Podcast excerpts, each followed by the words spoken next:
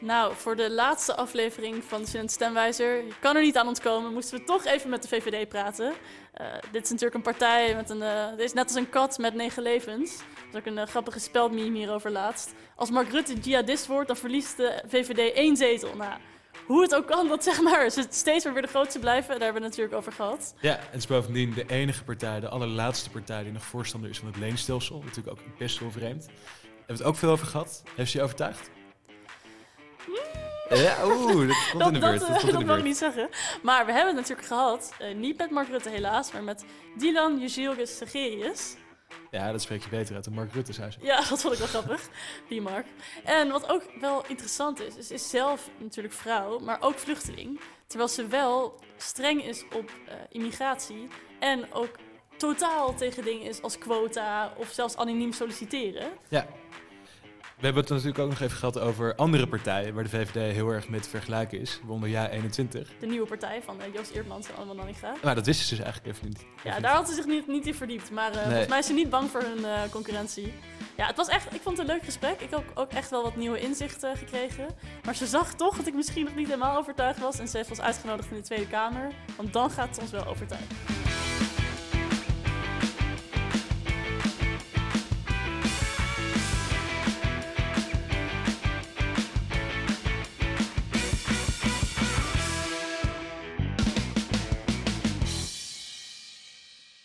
Welkom bij helaas alweer de allerlaatste aflevering van de Student Stemwijzer.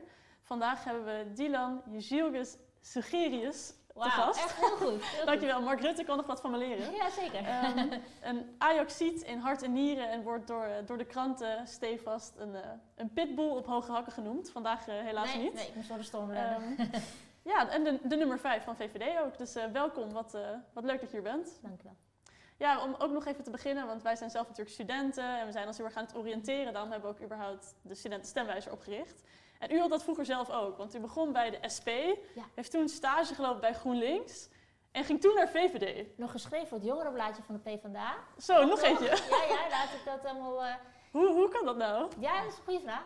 Nee, um, daar moet ik een heel klein beetje terug in, in mijn eigen verleden, nog ja. iets meer terug.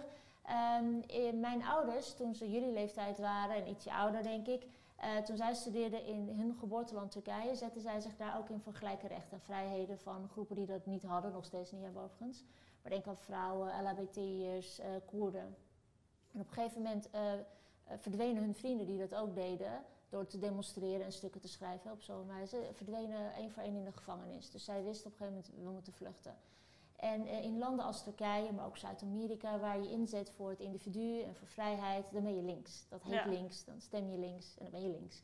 Dus toen we uiteindelijk in Nederland belanden als uh, politieke vluchtelingen, uh, dan gingen zij hier meteen aan de slag, uh, taal leren, vrijwilligerswerk doen, nog voordat ze mochten werken, op, waren ze papier aan het wachten. En, um, en op een gegeven moment, uh, ik was 19, dacht ik, nou ik wil ook actief worden ergens, weet je wel. Je gaat ook uh, om je heen kijken en denken, nou ik wil me er ook tegenaan bemoeien. En zonder al te veel te bestuderen waar dan, ging ik gewoon links. Want we zijn van huis uit links. Standaard. Zo, zo ging dat. Dus ik begon bij de SP en daar werd ik heel snel bestuurslid in Amersfoort. Ik ben opgegroeid in Amersfoort. En eigenlijk na een paar maanden dacht ik al, klopt hier iets En niet? waar lag het dan aan? Nou, dat zag ik later bij GroenLinks en PvdA ook. Daar heb ik heel kort een paar maanden, geloof ik hoor, stage gelopen en voor het jongerenblaadje geschreven. En elke keer was het, uh, het dit is dus mijn ervaring, dus kunnen ook mensen met andere ervaringen natuurlijk. Um, dat mensen in, in hokjes worden geplaatst als slachtoffers en die moeten vervolgens gered worden. En dat is een beetje het bestaansrecht van linkse partijen in mijn ogen. Dus nou, ik kom uh, dan toevallig uit Turkije, maar ik ben, ik vertelde net, opgegroeid in Amersfoort. Ik ging naar schuurfeesten in dorpen daarnaast, zuipen, dat soort dingen.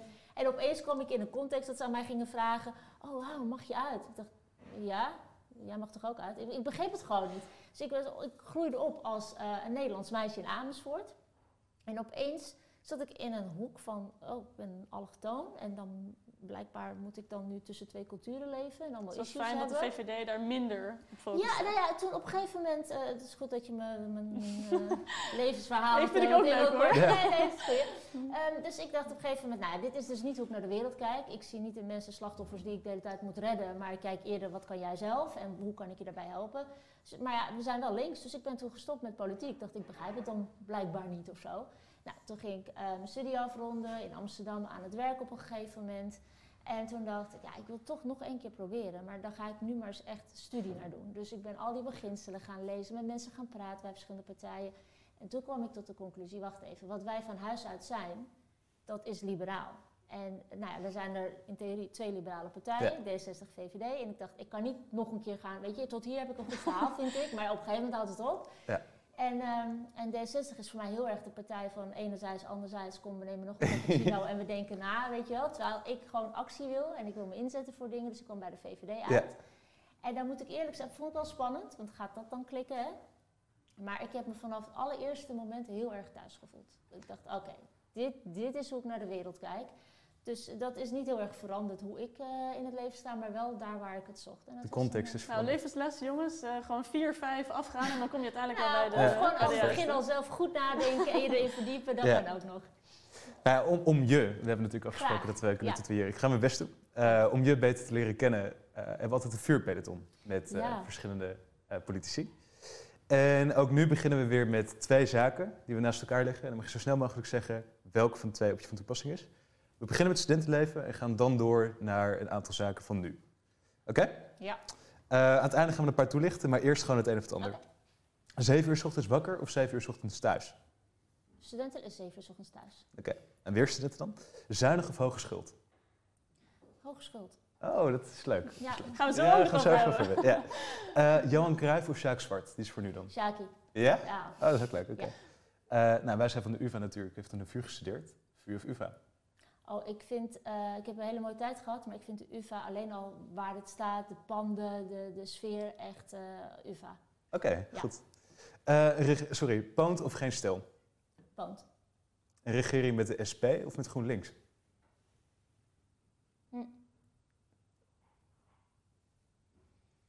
En moet dat? Ja. Ja.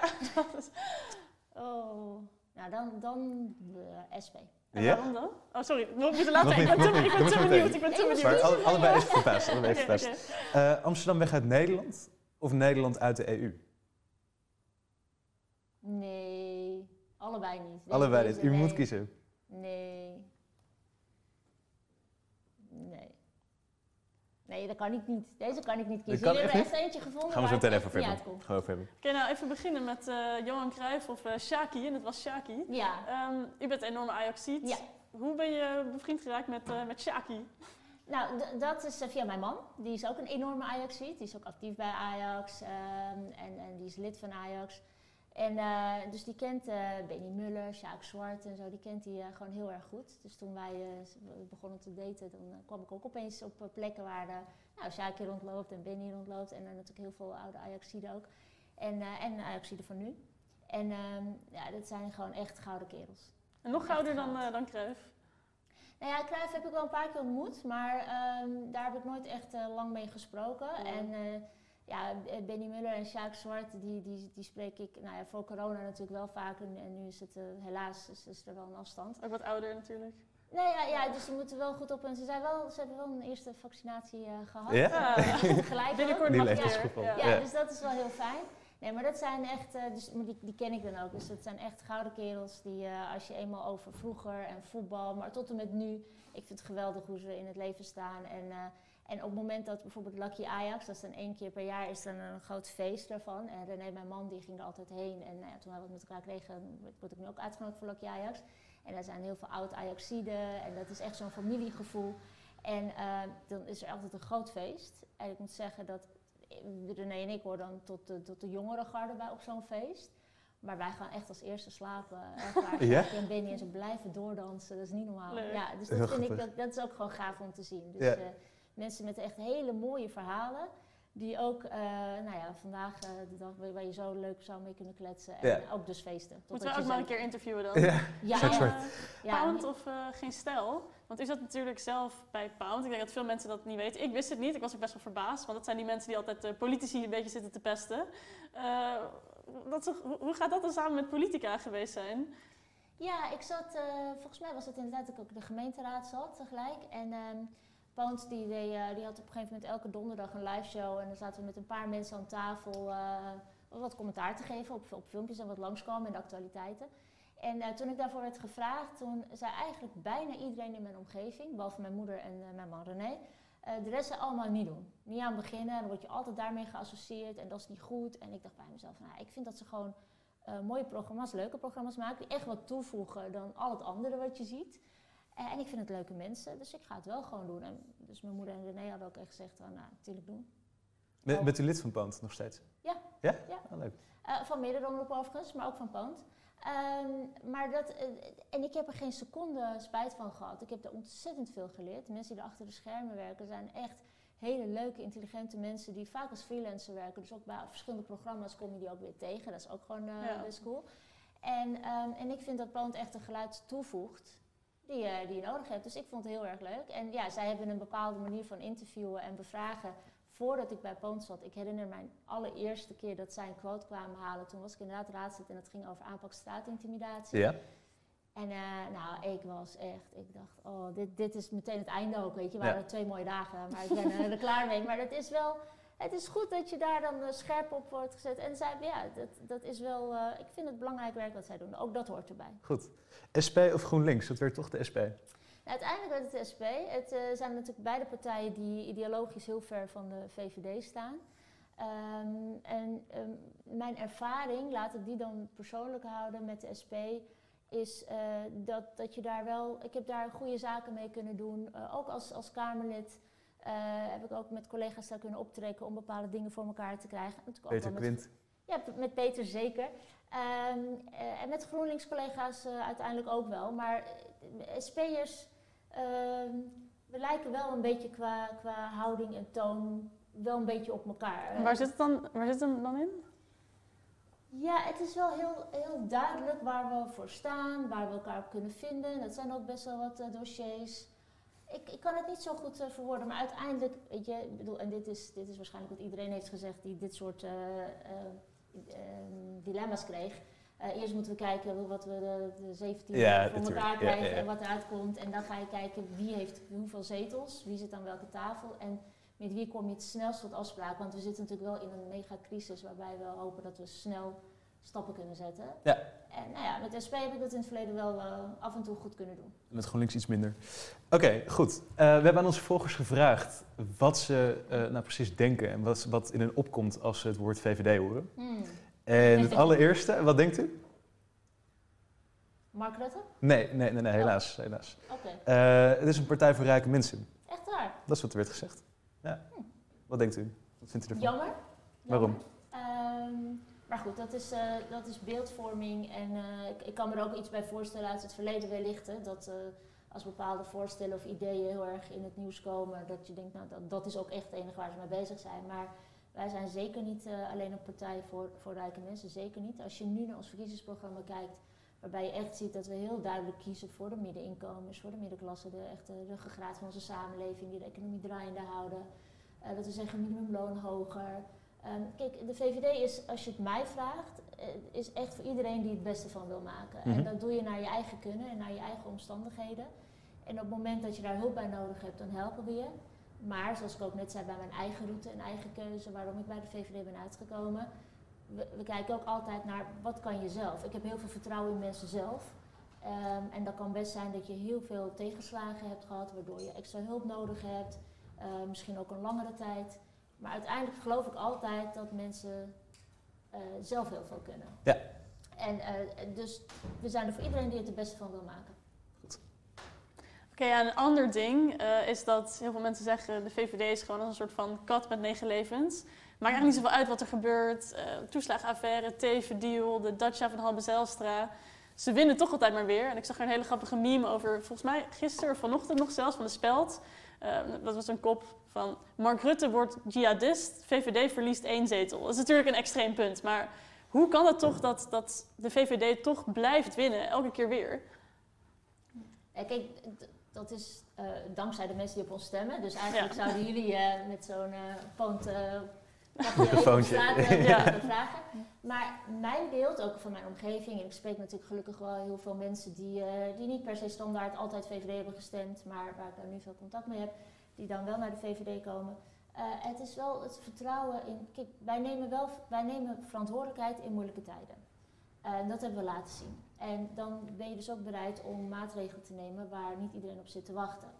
En dan gaan we dat wel weer steeds eh, met mensen het gesprek aan waarom we dat doen, hoe we dat beter kunnen doen. Dus daar loop je ook niet voor weg. Dan zeg je ook niet, nee, dit is, ik ga niet met jou erover praten.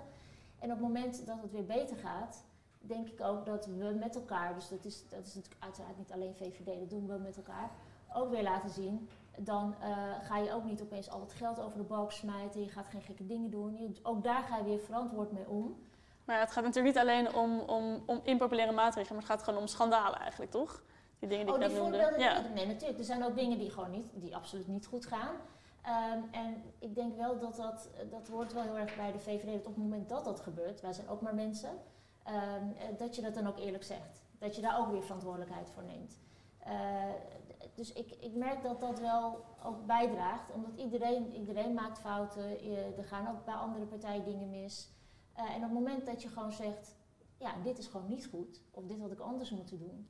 Ik heb dat zelf ook ervaren. Ik heb zelf ook in die afgelopen vier jaar, het is echt niet dat alles vlekkeloos is gegaan. Ik heb ook fouten gemaakt. Ik heb ook voor een camera gestaan en gezegd, hé hey jongens, dit had ik gewoon anders moeten doen. En je merkt dat mensen dat wel eh, eh, ook accepteren en respecteren, omdat je zelf ook, natuurlijk, Toegeeft. je bent ook niet perfect. We gaan het hebben over de verkiezingsthema's. Over de Ja. verschillende thema's waar de VVD eh, nu tijdens deze verkiezingen voor staat. Het allereerste thema, het allergrootste thema natuurlijk, waar we de afgelopen maanden, nou, jaar al mee hebben gezeten, eh, corona. Ja, Volgens onderzoek van het ISO is op dit moment een derde van alle jongeren die geeft zijn eigen leven een zware onvoldoende. En er zijn ook ontzettend veel jongeren die nu thuis zitten met een depressie, die de lockdown mentaal gezien slecht kunnen handelen. Wat heeft de VVD nou concreet tijdens deze periode gedaan voor jongeren? ja dit is een, echt een, een, een, een hele goede vraag. Waar we eerst natuurlijk met elkaar heel erg mee bezig zijn geweest, is eh, vanaf het begin al. eh, ik sprak gisteren iemand die zei, ja, ik weet nog dat ik dacht, dit gaat maar drie weken duren. En we zijn nu al een jaar Ja, verder. precies. Ja. Dus het is, eh, ons mindset is natuurlijk daar ook in veranderd. Eh, maar dat we eh, eerst proberen, oké, zo snel mogelijk, zo snel mogelijk iedereen in veiligheid, zo snel mogelijk iedereen gezond, dan zo snel mogelijk, eh, nou we zitten nu in die vaccins met al die maatregelen. Dus dat is wel steeds de focus geweest. En we hebben natuurlijk afgelopen maanden ook dit veel gehoord van jongeren die zeggen, ja het was geen drie weken en dit is gewoon echt te veel. Ehm, dus daar is vanuit gelukkig, vanuit zorg, vanuit bijvoorbeeld de geestelijke gezondheidszorg ook heel veel aandacht. Ik heb ook veel gesproken met bijvoorbeeld psychiaters die ook online gesprekken voeren met jongeren om ze proberen daar eh, doorheen te helpen. Dat zijn hele zware taken. Ehm, waar ik ook blij mee ben dat we bijvoorbeeld, de, dat is nu afgelopen maand gebeurd, die 8,5 miljard wat vrij is gemaakt voor studenten, juist voor het onderwijs moet ik zeggen, om of achterstanden in te lopen die nu wel opgelopen zijn. Je wilt niet dat je eh, kijk, hopelijk halen we straks met elkaar op een goede manier die eindstreep van de coronacrisis en maken we een vliegende start.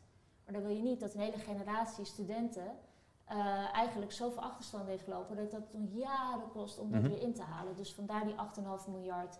Dat we ook kijken, nou, waar kunnen we collegegeld halveren? Hoe kunnen we zorgen dat je met bijles en dergelijke sneller bij kunt dan hè, als wij allemaal eenmaal verder zijn, dat jij die achterstand hebt. Nou, we zien vooral een partij als D66 die voor dit soort plei- eh, dingen pleit, toch? Dus we hadden in het begin over die liberale partij, VVD, D66. Het is vooral D66 die zegt van, nou ja, we moeten kijken hoe we de samenleving zo snel mogelijk kunnen heropenen. Ik zie de VVD dat minder doen. Ik denk dat dat ook misschien een beetje beeldvorming is. eh, want dit is waar de VVD en in debatten, eh, maar ook op andere plekken heel erg mee bezig is geweest. Het is mijn collega Thierry Aarts bijvoorbeeld geweest, die echt maanden geleden tijdens allerlei debatten rond de economie heeft gezegd: laten we beginnen met die field labs. Laten we gewoon kijken met experimenten. Hoe kan je wel zaken openen? Zoals, nou, we hebben laatst gezien, was in de. Was het in de arena, meen ik? Of in de... Ziggo Dome? Dome, ja. Dat daar eh, festivals en feesten nu worden gegeven om te kijken, oké, hoe kunnen we daarmee omgaan? Die field labs, dat zijn ideeën vanuit de VVD met vooral ondernemers samen. Hoe kunnen we dat doen? Ehm, dat het kabinet maakt gezamenlijk natuurlijk die 8,5 miljard vrij. En uiteindelijk denk ik wel dat dat eh, niet een wedstrijd tussen partijen zou moeten zijn, maar juist hoe neem je gewoon met elkaar de verantwoordelijkheid. Ik denk dat geen student erbij geholpen is. Eh, als wij elkaar de tent uitvechten in Den Haag. En Ja, dan, maar- nee, ik was eerst, nee, jij was Ja, ja, ja. het. Maar, toch even, eh, als we kijken naar wat er dan is geregeld en wat er is gebeurd. eh, ik heb zelf, en thuis ook trouwens, al een jaar geen fysiek onderwijs gehad. Eh, en we hebben daar bijvoorbeeld wel GroenLinks of D66 voor horen zeggen. eh, laten we kijken hoe die scholen zo snel mogelijk weer open kunnen met sneltesten en, en dat soort dingen. En van VVD hebben we dat niet gehoord. Dus er is dan toch concreet gewoon te weinig gebeurd voor studenten en jongeren zoals wij. Nou, er, er zijn eh, verschillende ministers uit het kabinet ook geweest, van VVD, CDA, die hebben gezegd, nou dit zijn nou precies de ideeën die we in het kabinet met de ministerraad met elkaar elke keer bespreken. En dat dan vervolgens iemand van D66 of GroenLinks of voor een camera dat nog eens herhaalt. Dat kan, maar dat wil niet zeggen dat het... Hij moties andere- indient. Sorry? Moties indient. Ja, maar dat wil niet zeggen dat het dus vervolgens niet al besproken werd, dat er ideeën voor liggen. Ehm, wij hebben ook onze eigen moties, wij steunen ook andere moties. En dat is, eh, nou ja, en dan merk je een terughoudendheid ook nu bij mij om te zeggen van nee, maar wij dit en zij dat. Omdat ik echt niet geloof dat iemand daarbij gebaat is. Want ik echt denk dat het heel erg belangrijk is dat je juist met elkaar. En je maakt niet 8,5 miljard vrij als je niet een eh, hele coalitie, of de coalitie is niet meer officieel een coalitie, Ja, natuurlijk, ja, maar ja. een hele kabinet daarachter hebt staan, maar ook de oppositie die gewoon met elkaar zeggen: oké, dit gaan we gewoon doen. Om ervoor te zorgen dat die vliegende start die we ondernemers gunnen en iedereen, dat, dat de studenten dat ook gewoon kunnen hebben. En niet dat jij de komende 15 jaar van je leven moet investeren om die achterstanden in te halen. Dat zou echt. eh, dus ik, ik, eh, ik snap wel wat je zegt. Het is ook wat zie je het meest en wat is de beeldvorming. We hebben het net ook over beeldvorming, eh, ideeën, vooroordelen, misschien over de VVD gehad. Eh, maar dit is juist een heel, heel belangrijk punt. Maar om er zo snel mogelijk uit te kunnen komen, moeten we wel eerst die eindstreep halen. Dus alle ideeën die nu spelen, dat is allemaal hartstikke mooi. Verandert niks aan het feit. We moeten eerst die eindstreep met elkaar halen. Dat betekent helaas doorbijten, aan die maatregelen houden en hopelijk straks allemaal eh, die vaccins. Ja. En, ja.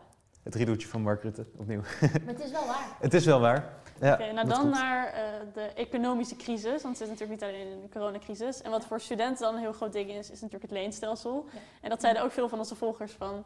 Ja, ik ga niet stemmen op de enige partij die nog voor het leenstelsel is.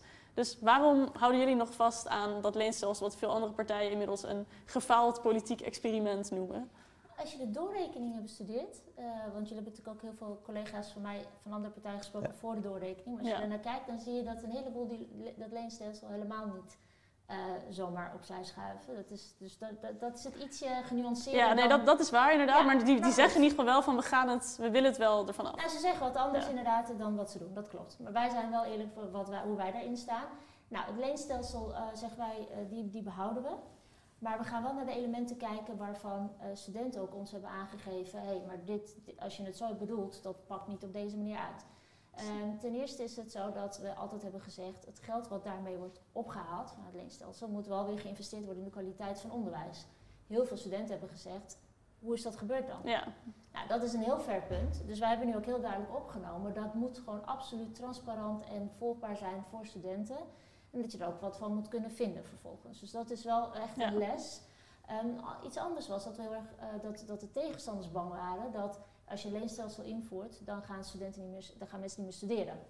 Gelukkig is dat niet zo gebleken. Dus dat is, dat is dan weer een voordeel. ja. Wat we ook hebben gezegd is, op het moment dat je uit een gezin komt dat dat een lager inkomen heeft, dat je ook gewoon een aanvullende beurs kunt krijgen. Dus dat dat nooit een drempel mag zijn dat we dit systeem met elkaar hebben voor mensen die eh, willen kunnen studeren. En wat ik zelf ook heel belangrijk vind, is als je eenmaal afgestudeerd bent. Ik hoop dat iedereen een schitterende baan heeft of die dromen kunt najagen en perspectief. Maar het kan best zijn dat je een baan hebt waarbij je niet zo heel veel verdient. Dat je nog steeds heel gelukkig bent, maar dat je er niet zoveel verdient. Eh, dat, dat je naar draagkracht dan ook terug kunt betalen. En dat betekent dat als het niet gaat, dat je het dan ook niet terugbetaalt. Dit zijn wel hele belangrijke waarborgen. En als je Ja. dan kijkt, dan denk ik dat dit systeem er daardoor ook eh, mee zorgt dat, we, dat, ons, eh, dat iedereen wel kan blijven studeren. Dat de kwaliteit van de opleiding omhoog gaat. Want daarvan, daarvan Hoe gaat u dat doen Wacht, ja, dat is dus wat je. Dat doen wij en door dat geld in te investeren, maar dat is niet alles. Wij hebben ook in ons verkiezingsprogramma gezegd. Dan moet je veel strakker op gaan sturen. Wat je eigenlijk waar je nu op stuurt is. Meer studenten is meer geld. Even heel simpel geformuleerd. Terwijl wij zeggen nee, kwalitatief beter onderwijs, kwalitatief goede docenten zou beter beloond moeten worden. En dat betekent dus dat jullie daar dan ook direct dan wat aan gaan hebben als studenten. En daar moet je op gaan sturen. Dat betekent dus dat je hele mechanisme daarin wel verandert. Dus Ja. dat zijn de keuzes die wij maken. En als je dan kijkt, eh, want ik, ik, eh, ik zei net dat ik met de hoge schulden bij de, bij de Precies, stelling, ja. dus ik heb ook uh, erbij geleend en eh, ook mijn eh, ding gedaan eh, tijdens mijn studie. Ehm, maar als je kijkt naar wat de studie kost, wat de hele gemeenschap eraan bijdraagt, dat is iets van gemiddeld eh, draagt de, de, per jaar 6000 euro bij de, de gemeenschap aan je opleiding. Jij betaalt dan iets van 2000. Het zal voor iedereen net anders liggen hoor, dus het zijn gemiddelde. En, en, eh, eh, dan denk ik, ja, het is, het is redelijk te vragen, draag zelf ook wat bij. Het is wel redelijk ook om te kijken, kan je dat? Heb je een aanvullende beurs nodig? Kan je daarna terugbetalen? Want dus de bedoeling is wel dat je de beste uit jezelf kunt halen, maar dat je daarna ook gewoon een goede baan kunt hebben en dat je ook gewoon op een Ja. goede manier kunt blijven leven. En niet dat je dan weer heel hard eh, vooral eh, in de knel zit omdat je dat terug moet betalen. Ja, nog Als het even- niet gaat, gaat het niet. Nog even wat dingen daarover natuurlijk. Ja, Eh, want het is, wel, het is zo, het is gebleken inderdaad uit de cijfers dat er niet minder mensen zijn gaan studeren. En dat is natuurlijk al sowieso mooi meegenomen. Ja. Maar wat er wel uit de rapporten is gebleken, is dat de studenten die zijn gaan studeren veel gestrester zijn, sneller burn-out klachten krijgen omdat ze die schuld boven hun hoofd hebben hangen. En zo snel mogelijk moeten afstuderen, ook niet ja, minder de ruimte nemen om zichzelf daarnaast te ontplooien. Ehm, hoe willen jullie al deze problemen aanpakken zonder van het leenstelsel af te gaan? ik weet niet of het van het leenstelsel, want ik bedoel, in, in mijn tijd was er geen leenstelsel en moesten heel veel studenten wel lenen omdat ze natuurlijk dat wel nodig hadden. En hadden ook die stress en dergelijke. Ik denk dat het studentenleven en een geweldige tijd is en ook gewoon vol stress. Omdat je ook daarna, je wilt het en goed doen en, en je Oh, nu moet je natuurlijk wel, is, is het, het, bouw je gelijk schuld op. Dus dat is wel een, een groot verschil Ja, met eh, de basisbeurs. op- Je bouwt een deel van, inderdaad, een deel van je opleiding betaal je, waarvan wij zeggen, en dat geld stoppen we dus weer in de kwaliteit van die opleiding. En dat moet je wel kunnen volgen, dat moet je wel kunnen zien. Dus dat was een terecht, eh, terecht punt van de studenten ook, vond ik. Ehm, eh, dus inderdaad, je draagt eraan bij. We zorgen wel dat je met, of je het kunt dragen of niet, daarna kunt terugbetalen. Dus dat, dat is wel een hele belangrijke. Ja. Dat was voorheen natuurlijk, eh, in, van, in mijn tijd niet, gewoon terugbetalen. Of veel minder werd het gewogen. Ehm, en jij zei nog, ja, nee, maar bijvoorbeeld, want Ja. jij zei daar iets wat ik wel een hele leuke vond. Ehm, eh, we willen ook graag dat je bijvoorbeeld kunt ontplooien dat je zegt ik wil een tweede studie erbij. En dat zijn ook heel veel signalen die wij kregen. Dus wij zeggen ook in ons verkiezingsprogramma, dan gaan we ook kijken of we daar je dan in tegemoet kunnen komen. Dat daar een maximum is wat je daarvoor extra voor moet betalen. Als jij een studie kiest waarbij je je laat opleiden voor sectoren waar er tekorten zijn, eh, denk aan techniek of de zorg bijvoorbeeld, dat je dan ook gewoon eh, minder collegegeld hoeft te betalen. Dus er zijn wel, er wordt juist heel erg Ja. vanuit die stress en wat ga ik hierna doen, kan ik het allemaal dragen, daar wordt juist heel erg eh, aan gewerkt en er mee eh, eh, over nagedacht. En dan heb je inderdaad een klein deel wat je dan vervolgens zelf, en dat is helemaal niet klein als je er middenin zit, Ja. maar hopelijk wel als je daarna een goede baan hebt en als je die op de een of andere manier niet hebt of minder verdient, dat we je dan daar ook gewoon tegemoet komen en dat ook de gemeenschap ook dat deel gewoon voor zijn rekening neemt. ja, want toch, als je, dan, als je dan klaar bent en je hebt die schuld van, ik zeg maar wat, eh 50.000 euro. eh, dat is toch een enorme belemmering, bijvoorbeeld als je kijkt naar een huis kopen.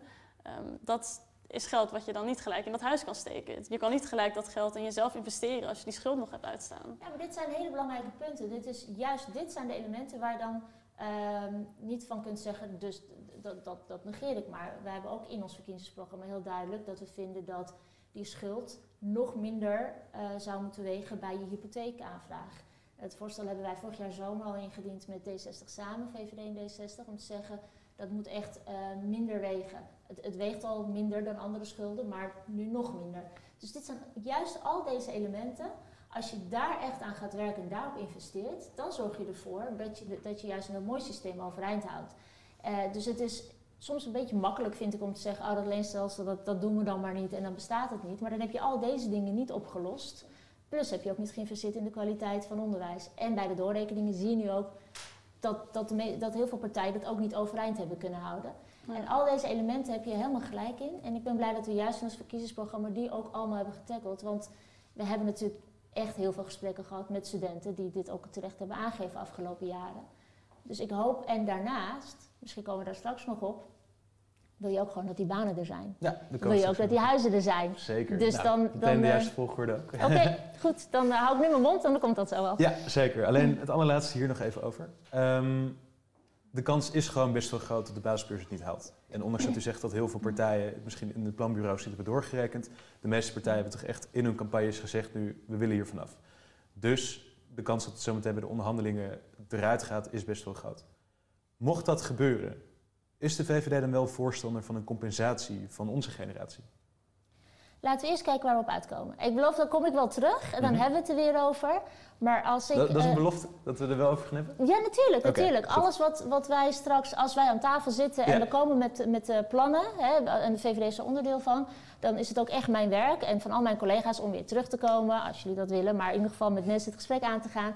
Wat hebben we nou waarover, waarom besloten? Ik bedoel, dat, dat moet je per definitie gewoon ook vier jaar lang blijven doen. Ja. Eh, ik heb wel geleerd in mijn afgelopen vier jaar, als ik inga op als dan vragen, dan eh, kom, ik, kom ik ergens in waar ik helemaal niet realistisch kan, eh, kan beantwoorden. Ja. Dus eh, gun, gun ons even dat we misschien wel of niet aan die tafel zitten, iets onderhandelen en dan kom ik terug. Ik zou als student nog niet helemaal verzekerd zijn hiervan. Maar, Nee, maar ik ben benieuwd. Ik ben zien. benieuwd of het eh, inderdaad gaat lukken. Ehm, en dan de arbeidsmarkt inderdaad. Nederland is in de jaren Rutte eh, flexkampioen van Europa geworden. De meeste flexcontracten en de hoogste flexibilisering van de arbeidsmarkt in Europa. Ehm, zijn jullie daar blij mee? Ehm, nee, niet in de zin als je het. Het is op het moment dat je er zelf voor kiest, top. En er zijn ook sectoren en banen en beroepen waarbij dat gewoon ideaal is. Ja. Eh, op het moment dat je er niet zelf voor kiest, of noodgedwongen, of uh, en misschien hebben we het straks ook over schijnconstructies en dat soort zaken ontstaan, dat je denkt, van, dan is het niet oké. Uh, dus het is niet een, echt een ja of een nee, het hangt er dus vanaf. Maar we weten allemaal dat je, dat je mensen hebt die bijvoorbeeld overdaagd ZZP'er zijn of in een flexcontract zitten en dat helemaal prima vinden. Maar dat er ook misbruik van wordt gemaakt van dit soort zaken. En daarom hebben we daar wel uh, in ons verkiezingsprogramma in ieder geval heel veel aandacht voor. Omdat je die, juist die flexibiliteit wil houden daar waar het nodig is. En daar waar mensen het zelf wensen. Want ik ken ook heel veel mensen die er bewust voor kiezen en dat heerlijk vinden. Maar niet als dat betekent dat je daardoor in een schijnconstructie vastzit. Of dat je werkgever. Er zijn natuurlijk werkgevers die er ook misbruik van maken. Mm -hmm. um, dus daar hebben we juist van gezegd. Je moet zorgen dat het voor werkgevers loont om jou in vaste dienst te nemen. Dus dat die lasten voor werkgevers omlaag gaan, zodat ze jou in vaste dienst kunnen nemen. Hebben we afgelopen jaren ook al stappen toe gezet, maar er worden in ons verkiezingsprogramma ook daar nieuwe stappen voor en echt geld voor uitgetrokken. Dat je juist zegt dat werk moet lonen, vast contract bieden moet lonen. De risico's voor werkgevers moeten minder worden als op het moment dat mensen in vaste dienst komen. Dus dan ga je bijvoorbeeld de termijn dat een werkgever, een kleine werkgever, moet betalen voor WW van twee jaar naar één jaar uh, verkorten. Zodat het ook uh, aantrekkelijker wordt voor werkgevers om je gewoon een vast contract aan te bieden. En voor mensen die zeggen. Uh, dus dat is het voorstel van Hoekstra, toch? Om de WW te verkorten van twee naar één jaar? Nee, nee, nee, nee, nee, nee, nee, nee, nee, nee, dat is echt een andere. Nee, wij zeggen dat de lasten voor werkgevers, die yeah. betalen nu voor twee jaar als, als iemand in de WW komt die bij hen in vaste dienst is. Die lasten voor werkgevers worden een jaar en wij betalen met de elkaar overheid, de overheid. Dus voor een kleine werkgever, nee, nee, het, vanuit het CDA zegt men, wij gaan de periode van de WW gaan wij verkorten.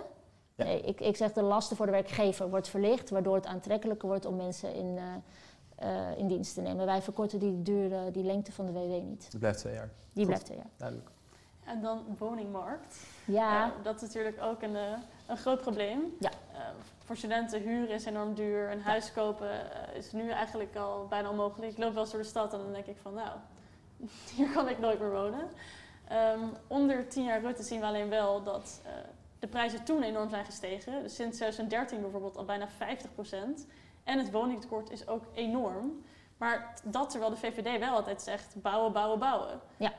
Hoe kan dat dan? Waar is dat ja. dan misgegaan? Ja, uh, nee, maar dit, dit is denk ik een van de grootste zorgen van starters, uh, van, maar ook middeninkomens, ouderen, betaalbare woningen. En iedereen heeft gewoon recht op een eigen plekje, of dat nou huur of koop is, maar dat zou je iedereen gunnen. En dat kan nu gewoon niet. Um, het, zijn, het heeft verschillende oorzaken. Uh, bijvoorbeeld als je kijkt naar tijdens de economische crisis is de bouwsector wel echt ingestort. Toen is echt nou ja, alles gestopt. Misschien chargeer ik dan net iets te, maar ik zit wel aardig in de buurt. Um, dus dat is, dat is een mega achterstand geweest. Uh, we hebben ook heel erg juist vanuit Den Haag bijvoorbeeld gezegd... de gemeenten en de corporaties die gaan er zelf over. Um, dan zie je dat niet, dat dat niet altijd even goed werkt. Dat de marktpartijen, corporaties en de gemeenten samen niet hun bouwopgave halen die je zou willen, wil je overal genoeg gebouwd hebben. We hebben ook gezien dat uh, dat, dat scheefwonen is gaan groeien. Je, je, komt in een sociale huurwoning vanuit een bepaald inkomen, je gaat op een gegeven moment meer verdienen, maar je gaat niet die woning uit. Uh, ook omdat er voor jou voor de volgende stap die woningen niet zijn. Uh, dus het zijn allemaal elementen die, die en door de crisis zo gegroeid zijn... en doordat we de verantwoordelijkheden lieten daar waar ze eigenlijk horen... maar zagen, hé, hey, dat gebeurt niet. Dus je ziet ook in ons programma dat wij daar ook uh, vanuit de Rijksoverheid echt zeggen... maar dan gaan we ons ook echt tegenaan bemoeien. Zover dat je ook gewoon tegen de gemeente kunt zeggen... jij moet zoveel gaan bouwen daar en je moet het daar gaan doen. Dat is, dat is best vergaand. Daar trekken we ook veel geld voor uit. Dat we zeggen, komt gewoon een nationaal bouwplan... En op het moment dat gemeenten ook gaan bouwen en gaan leveren, dat je ze daar ook meer voor beloont. Uh, dus dat je eigenlijk daar veel meer op stuurt en directiever bent vanuit Den Haag dan wat, wat eigenlijk hoe we het met elkaar hebben ingericht. Um, en dat je echt gaat bouwen voor de groepen waar we het over hebben. Dat is wel heel erg belangrijk. Ja, want hoe zorgen jullie dat er starterswoningen komen, niet alleen voor starters met enorm rijke ouders, maar gewoon voor, voor alle Zeker. starters? Ja, nou dat is, uh, ik denk dat het voor de meeste starters geldt dat je niet uh, tonnen van je ouders uh, meekrijgt. Ik kreeg het in ieder geval niet. Um, dus je zult moeten zorgen en dat er gebouwd wordt, maar dat je ook nu al kunt kijken, want bouwen, ik bedoel, hartstikke mooi, maar daar hebben jullie morgen niks aan. Ja. Dus wij willen ook dat je veel sneller kunt reageren op het moment dat hier panden leeg staan, om wat voor reden dan ook. Uh, dat je die snel kunt omzetten richting appartementen, plekken voor bijvoorbeeld starters. Zo hebben we een hele reeks aan plannen. Dat je zegt, en op lange termijn, ik bedoel, dat moet geen lange termijn zijn, maar nogmaals, bouwen doe je niet in een dag. Dat, dat dat allemaal mogelijk is, maar dat je nu ook snel schakelt. En wij zeggen daarbij ook, dan moet je dus ook durven zeggen, nou dan ga je dus ook in het buitengebied bouwen. Iets wat je misschien helemaal niet zou willen, dat je wil dat dat, dat ook allemaal uh, buitengebied blijft. Maar je, kunt, je moet er is gewoon meer nodig. In de komende jaren zijn er op zijn minst een miljoen woningen nodig. Ja. Dus dan zal je wel moeten. Nou, dat zijn wel keuzes die wij maken. Dat maken niet alle partijen. Die zeggen nee, dat willen we niet. We willen niet in het buitengebied en we willen niet dit, we willen niet dat. Dan lukt het niet. Dan lukt het niet. Ja, het klinkt wel heel mooi. Het klinkt ook, ik heb ook uh, Lilian Marijns geïnterviewd. Uh, best wel hetzelfde, moet ik zeggen. En dat, dan lijkt me toch een beetje te vergeten dat bijvoorbeeld de VVD nog steeds voor de verhuurdersheffing is. Dus dat is een, uh, voor mensen die dat niet weten, is een belasting op sociale huurcorporaties, waardoor zij gewoon minder kunnen bouwen, bouwen, bouwen. Uh, VVD was bijvoorbeeld ook voor de afschaffing van het ministerie van Volkshuisvesting, dus die regie vanuit de overheid, waardoor de vrije markt heel erg is doorgeslagen. Dus is het ook niet VVD-beleid uh, wat, wat hier aan ten grondslagen ligt?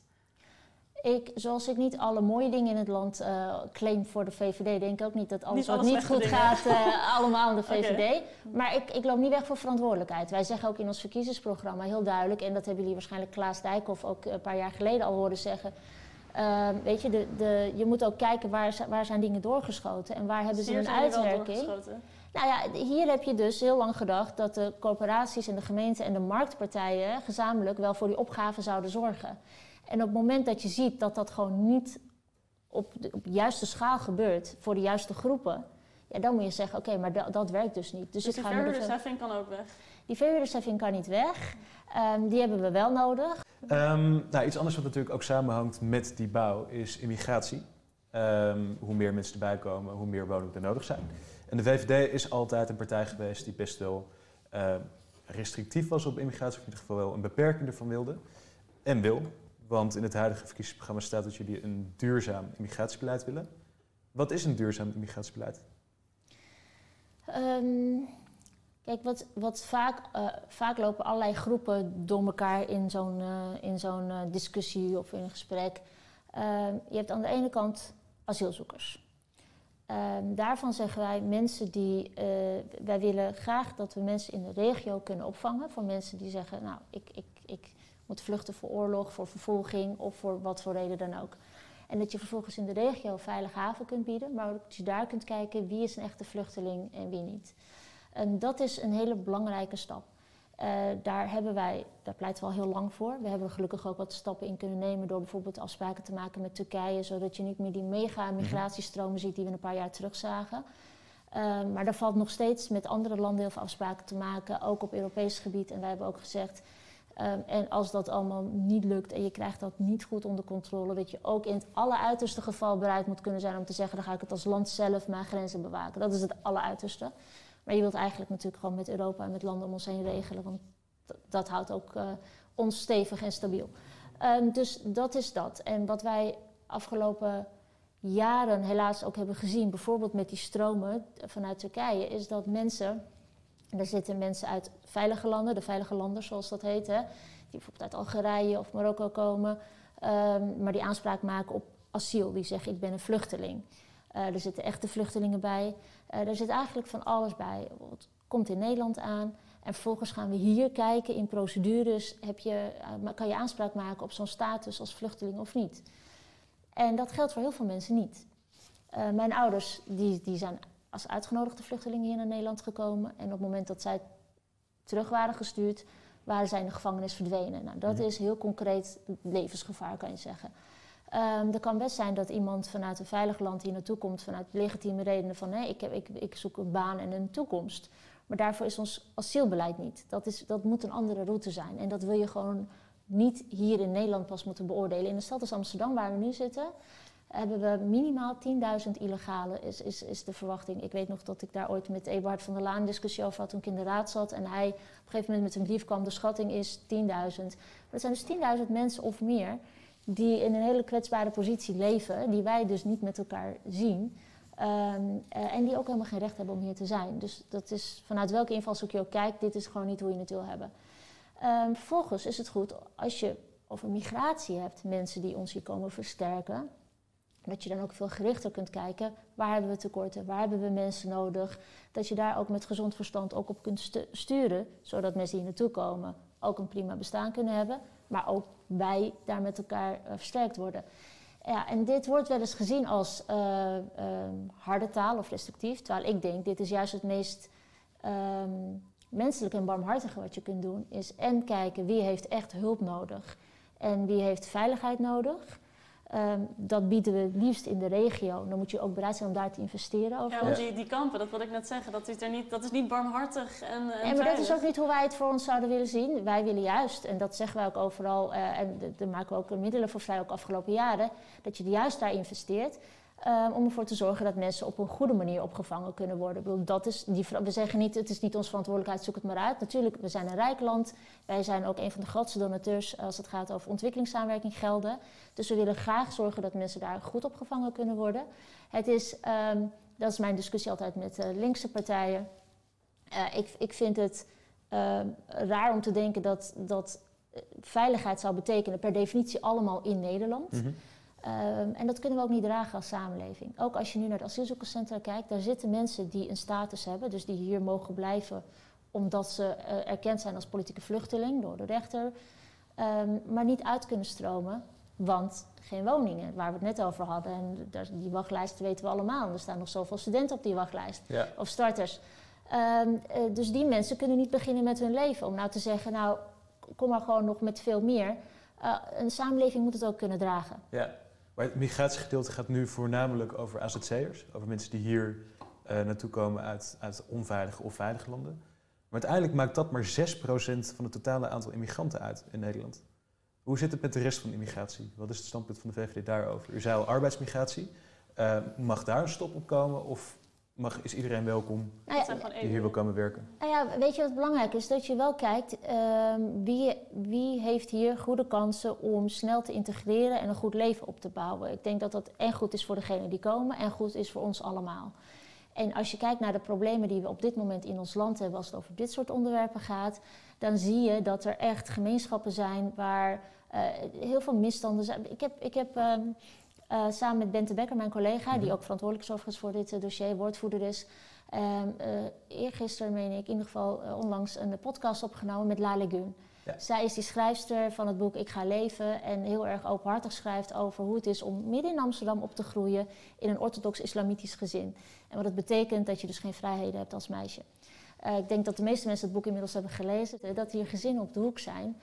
Die, waarbij de jonge meisjes niet naar school zwemmen mogen, niet op kamp mogen, geen vriendjes mogen hebben, terwijl de jongens dat wel mogen en noem maar op. Dus eh, als het gaat over integratie en migratie, moet je ook kijken hoe, hoe zit het in ons eigen land op dit moment en wat moet je allemaal nog doen om ervoor te zorgen dat, eh, dat die jonge meiden ook perspectief hebben en dezelfde vrijheden als jij en ik. Eh, en dat betekent dus bijvoorbeeld een verbod op geldstromen vanuit onvrije landen richting weekendscholen en moskeeën. En eh, Mark Rutte heeft daar ook inderdaad heel, heel openhartig ook gezegd van, nou ja, weet je, dit, dit, is, dit is verschrikkelijk en niemand gaat dit een beetje bagatelliseren. Dit is gewoon verschrikkelijk. Het belangrijkste dat je nu kunt doen is zorgen dat mensen gecompenseerd worden en zo snel mogelijk uit deze ellende komen. En, en hij heeft toen ook voor zichzelf, en wij natuurlijk ook allemaal goed nagedacht, wat betekent het voor onze rol? Vanuit mijzelf als Kamerlid, als iemand die nu voor de VVD-campagne gaat voeren, maar ook voor Mark Rutte. En ehm, wij zijn van mening dat, dat, dat je na deze verantwoordelijkheid te hebben genomen, die stappen te hebben gezet en ook niet hebben gezegd, het is klaar, want het is echt niet klaar. dat je dan ook weer eh, door kunt met de andere uitdagingen die we ook nog voor ons hebben. veel te doen geweest over de Rutte-doctrine, dus een soort van cultuur van geheimhouding. Maar hij is natuurlijk ook al in 2007 veroordeeld door een Haarlemse rechtbank. Is hij dan echt wel de juiste man om dat te doen? Zelfs al heeft hij sorry gezegd, moet dan niet gewoon iemand anders dat, dat gaan oplossen? Dat vind ik een beetje ingewikkeld om dat aan Mark Rutte op te hangen, omdat voordat hij daar kwam, dingen gingen zoals ze gingen. Uh, hij bepaalde zaken zo heeft gedaan. En uh, uh, ik, ik, weet niet of ik die Rutte-doctrine, dat, dat, dat deel ik niet. Maar okay. weet je, ik ben heel erg terughoudend om daar heel veel over te zeggen, omdat het juist gaat over de mensen die slachtoffer zijn geworden van die affaire en dat je die recht moet doen, dat je moet zorgen dat die gecompenseerd worden. Maar die vinden het ook verschrikkelijk eigenlijk dat hij er nog zit, veel van die mensen. Als je het hebt dat... over vergelding of over... Kijk, het hele kabinet is afgetreden en uh, Mark heeft er heel duidelijk gezegd wat, hoe hij ook zag van hè, wat is onze verantwoordelijkheid hierin en wat, is, uh, wat zijn de rollen. En daarbij heeft hij ook aangegeven, en jongens, we gaan ook kijken hoe we nog meer dingen beter transparant kunnen maken en het kunnen delen. En ook zorgen dat mensen gecompenseerd worden. Volgens mij is dat waar je als, uh, in ieder geval waar je de slachtoffers, die moeten gewoon gecompenseerd worden. Um, en waarbij de samenleving ook recht doet door te zeggen, en we gaan al deze lessen niet alleen maar uh, afvinken, echt implementeren en zorgen dat dit niet meer gebeurt. Volgens ja. mij is dat heel belangrijk. Nou, laten we het over oplossingen hebben. Ja. Uh, want uh, ook in, in dat debat over institutioneel racisme heeft Mark Rutte toen erkend, er is systemisch racisme, maar wij wilden het woord institutioneel niet Ja. in de mond nemen. Ja. Um, wat vind jij daarvan en wat is dan het verschil? Nou, kijk, voor mij ehm, is als je het hebt over institutioneel racisme, dat zou betekenen dat onze instituties, zoals bijvoorbeeld de politie of ons heel zorgsysteem, dat die ehm, inherent racistisch zijn. En dat is, dat is niet zo. Daar, geloof ik ook echt niet in. Ik denk ook dat de cijfers dat niet aantonen. En dat is ook niet hoe ik in dit land leef. En, en hoe ik mij behandeld voel. En beleid maak ik niet op basis van wat ik meemaak. Hè. Dat is, eh, zo werkt het niet. Maar ehm, ik zou niet zitten waar ik zit als dit land inherent racistisch was. Dat, dat is Nederland niet, in mijn ogen. Ehm, en ik denk dat de meeste mensen, als je kijkt, hè, als jij in de knel zit, dan bel je de politie.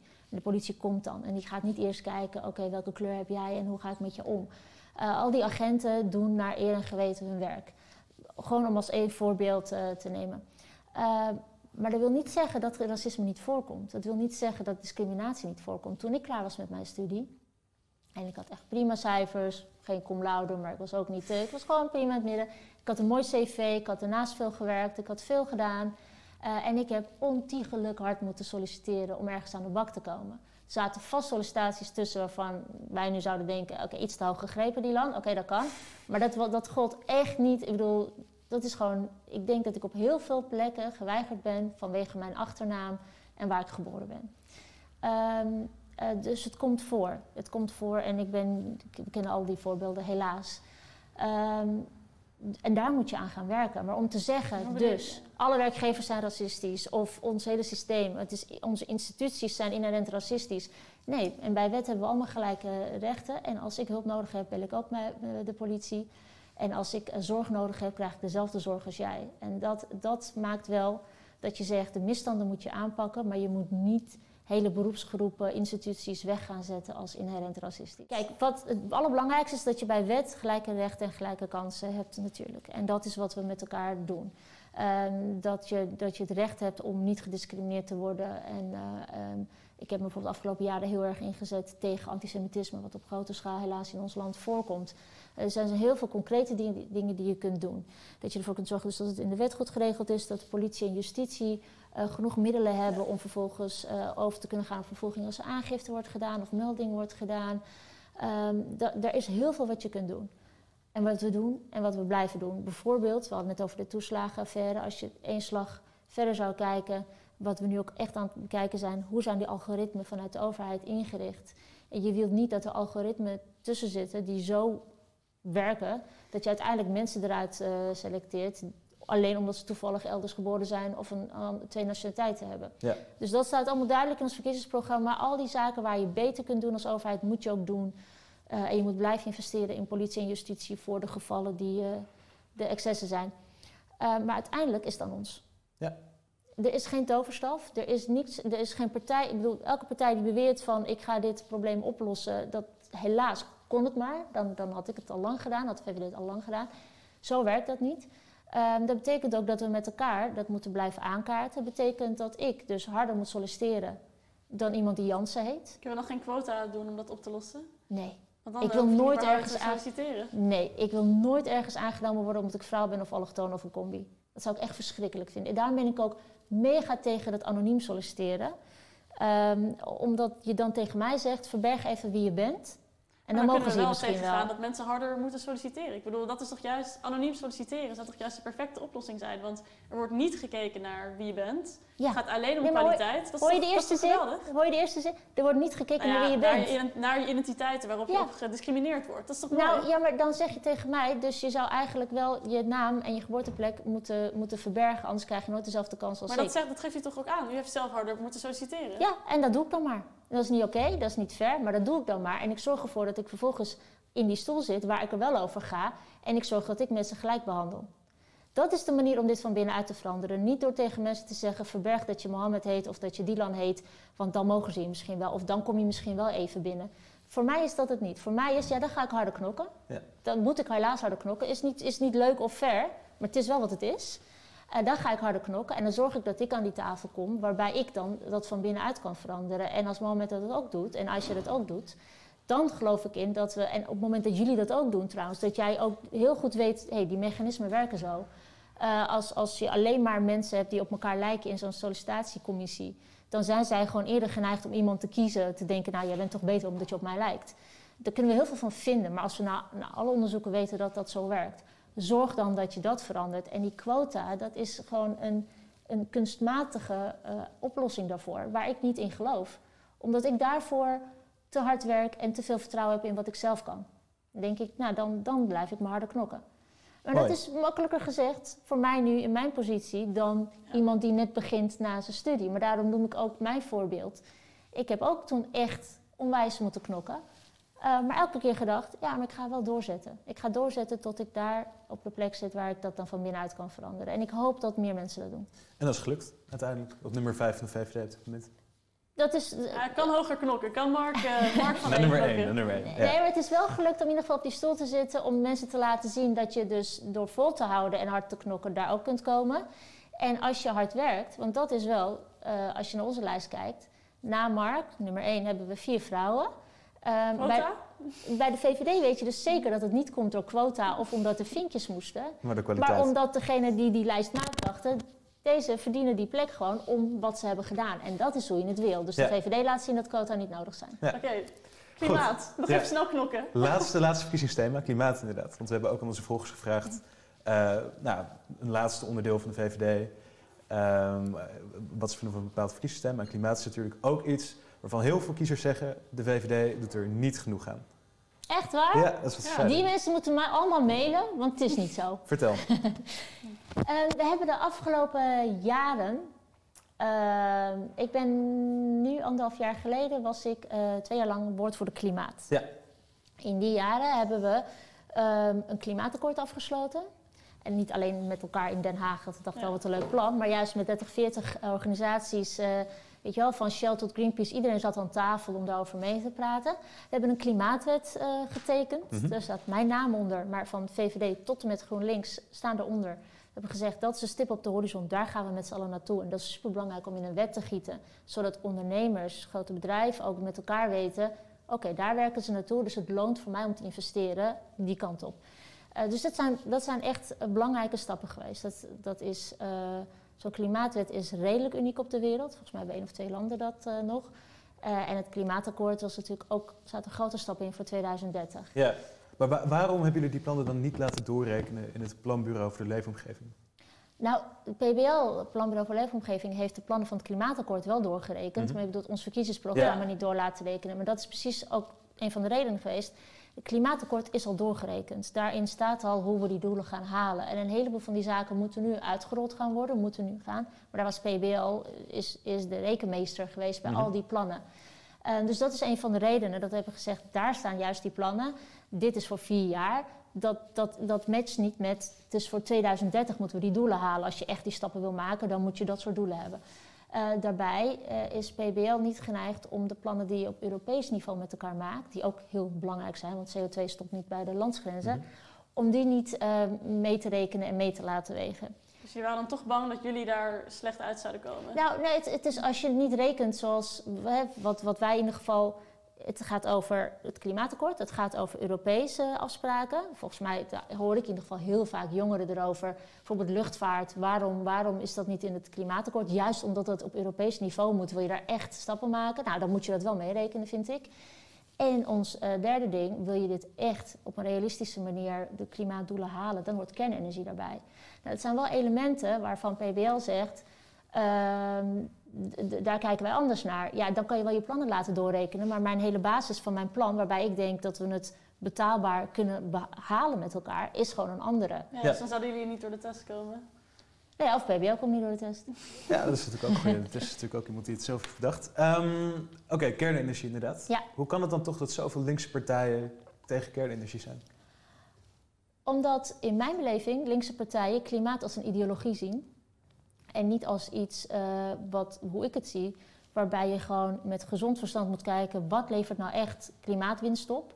Op een manier dat het kostenefficiënt is, want we moeten het wel met elkaar kunnen betalen. En op een manier waarvan de meeste Nederlanders zeggen: Oké, dat gaan we doen. Ja. Als je die elementen niet hebt, dan is het een ideologisch mooi verhaal. Dan kunnen we hier ook een uur met elkaar praten over hoe we vlees zo duur gaan maken dat niemand het meer kan kopen en hebben we de wereld gered. Maar het slaat gewoon nergens op. Mm -hmm. Dus jij zegt toch juist dat kernenergie enorm duur is en dat ze het daarom ook niet willen. Want ze zeggen ja, dat duurt jaren voordat zo'n centrale er überhaupt staat. We moeten ook nog kijken waar die kan staan. Um, dus het is niet ideologisch, maar ook praktisch gezien. Nee, dat zijn echt drogredenen, want er is geen enkele energiebron wat goedkoop is. Van je zegt, nou dat kost helemaal niks. Er gaat echt onwijs veel subsidie. Maar hoe snel je het kan doen? Daar gaat ten eerste onwijs veel subsidie in die schone energie. Waar ik ook geen tegenstander van ben. Hè. Ik bedoel, windmolens, windenergie, zonne-energie is allemaal superbelangrijk. Uh, maar er gaat heel veel subsidie naartoe. Dus laten we niet doen alsof dat goedkoop of gratis is en het andere uh, duur. Kernenergie pleiten we al heel lang voor. Als de partijen hadden gezegd, jaren geleden al, goed idee, je hebt gelijk, je hebt dat erbij nodig. Wil je het op een schone manier kunnen doen? Dan waren we al veel verder in die, uh, in die discussie. Mm. Zolang ik geen 76 zetels heb, lukt dat niet.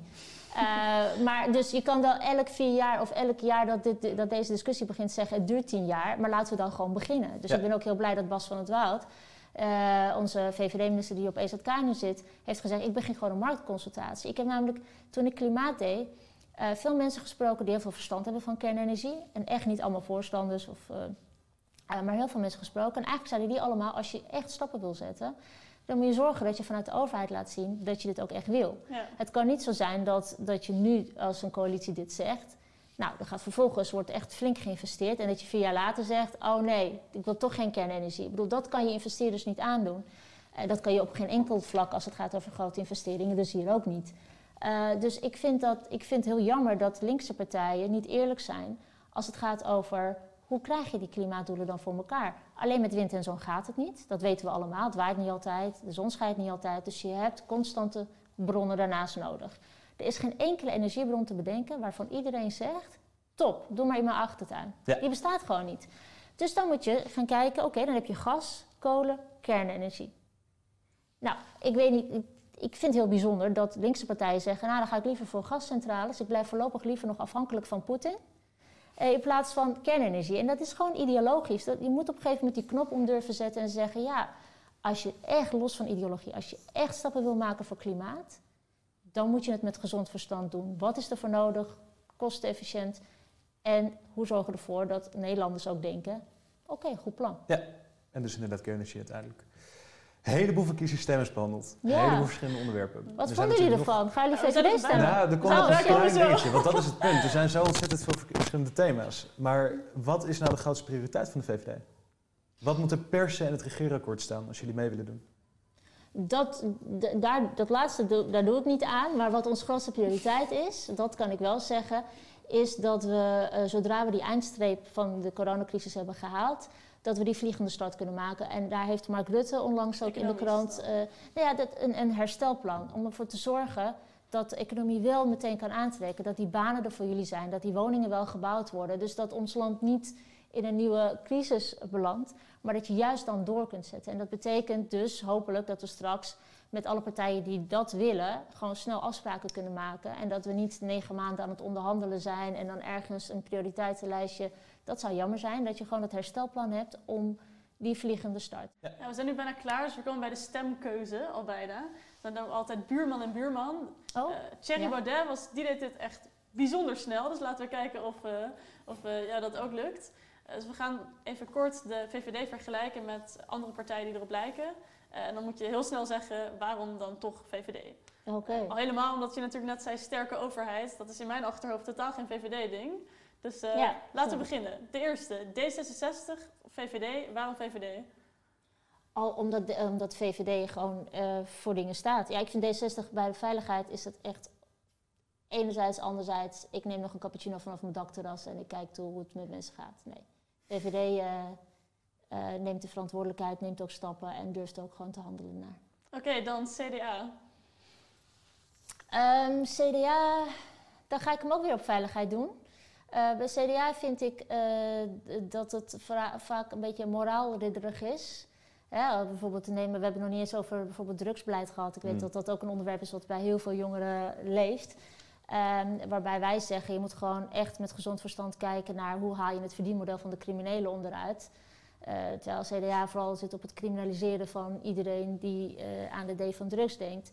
Terwijl ik denk, eh, nee, ik bedoel, ik vind wel dat je moet weten dat als jij elk weekend een pilletje slikt en je denkt, wat kan het kwaad? Dat je moet weten welk aanbod je in stand houdt. Hè. Dat zijn wel meedogenloze criminelen die bereid zijn om een advocaat voor zijn voordeur dood te maken.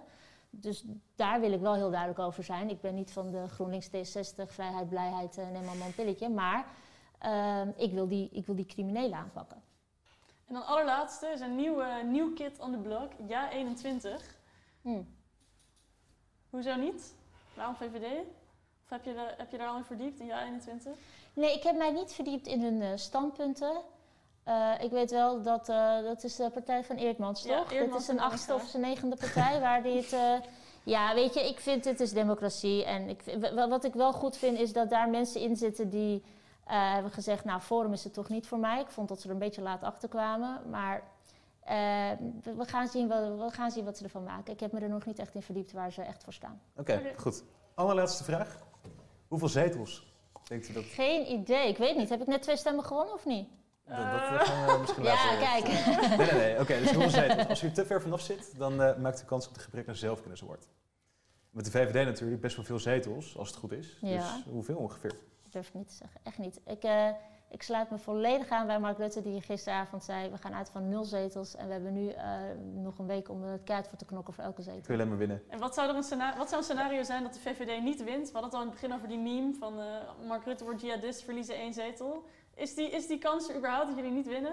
Ik kan niet in de laatste zes dagen eh, met dat soort doenscenario's bezig zijn. Ik wil alleen maar winnen. Dus ik ga zo meteen met je sub flyeren bij de vier mensen die Ja? er zijn. Ja, nee, maar het is, eh, ik, ik, ik hou ook van campagnetijd. Ik vind dat je vier jaar lang natuurlijk contact moet hebben met mensen. Maar de- die, die, die campagne, die rush, daar hou ik wel van. Ja, het is natuurlijk wel een beetje karig veel via Zoom en dergelijke. Maar toch, eh, ik, ga wel, eh, ik ga er alles uithalen. Mijn, mijn persoonlijk motto is: als je de avond van de verkiezingen niet zo moe bent dat je gewoon eigenlijk kotsen van vermoeidheid, dan heb je kans te laten liggen. Dus ik zit in die modus. Dus Nou, Mooi. klinkt we gaan goed. Ik hoop Ja. dat u niet hoeft te kotsen, maar eh, Ja, sorry voor dat beeld trouwens. Dat was misschien bedankt. iets te veel informatie. Maar jullie bedankt.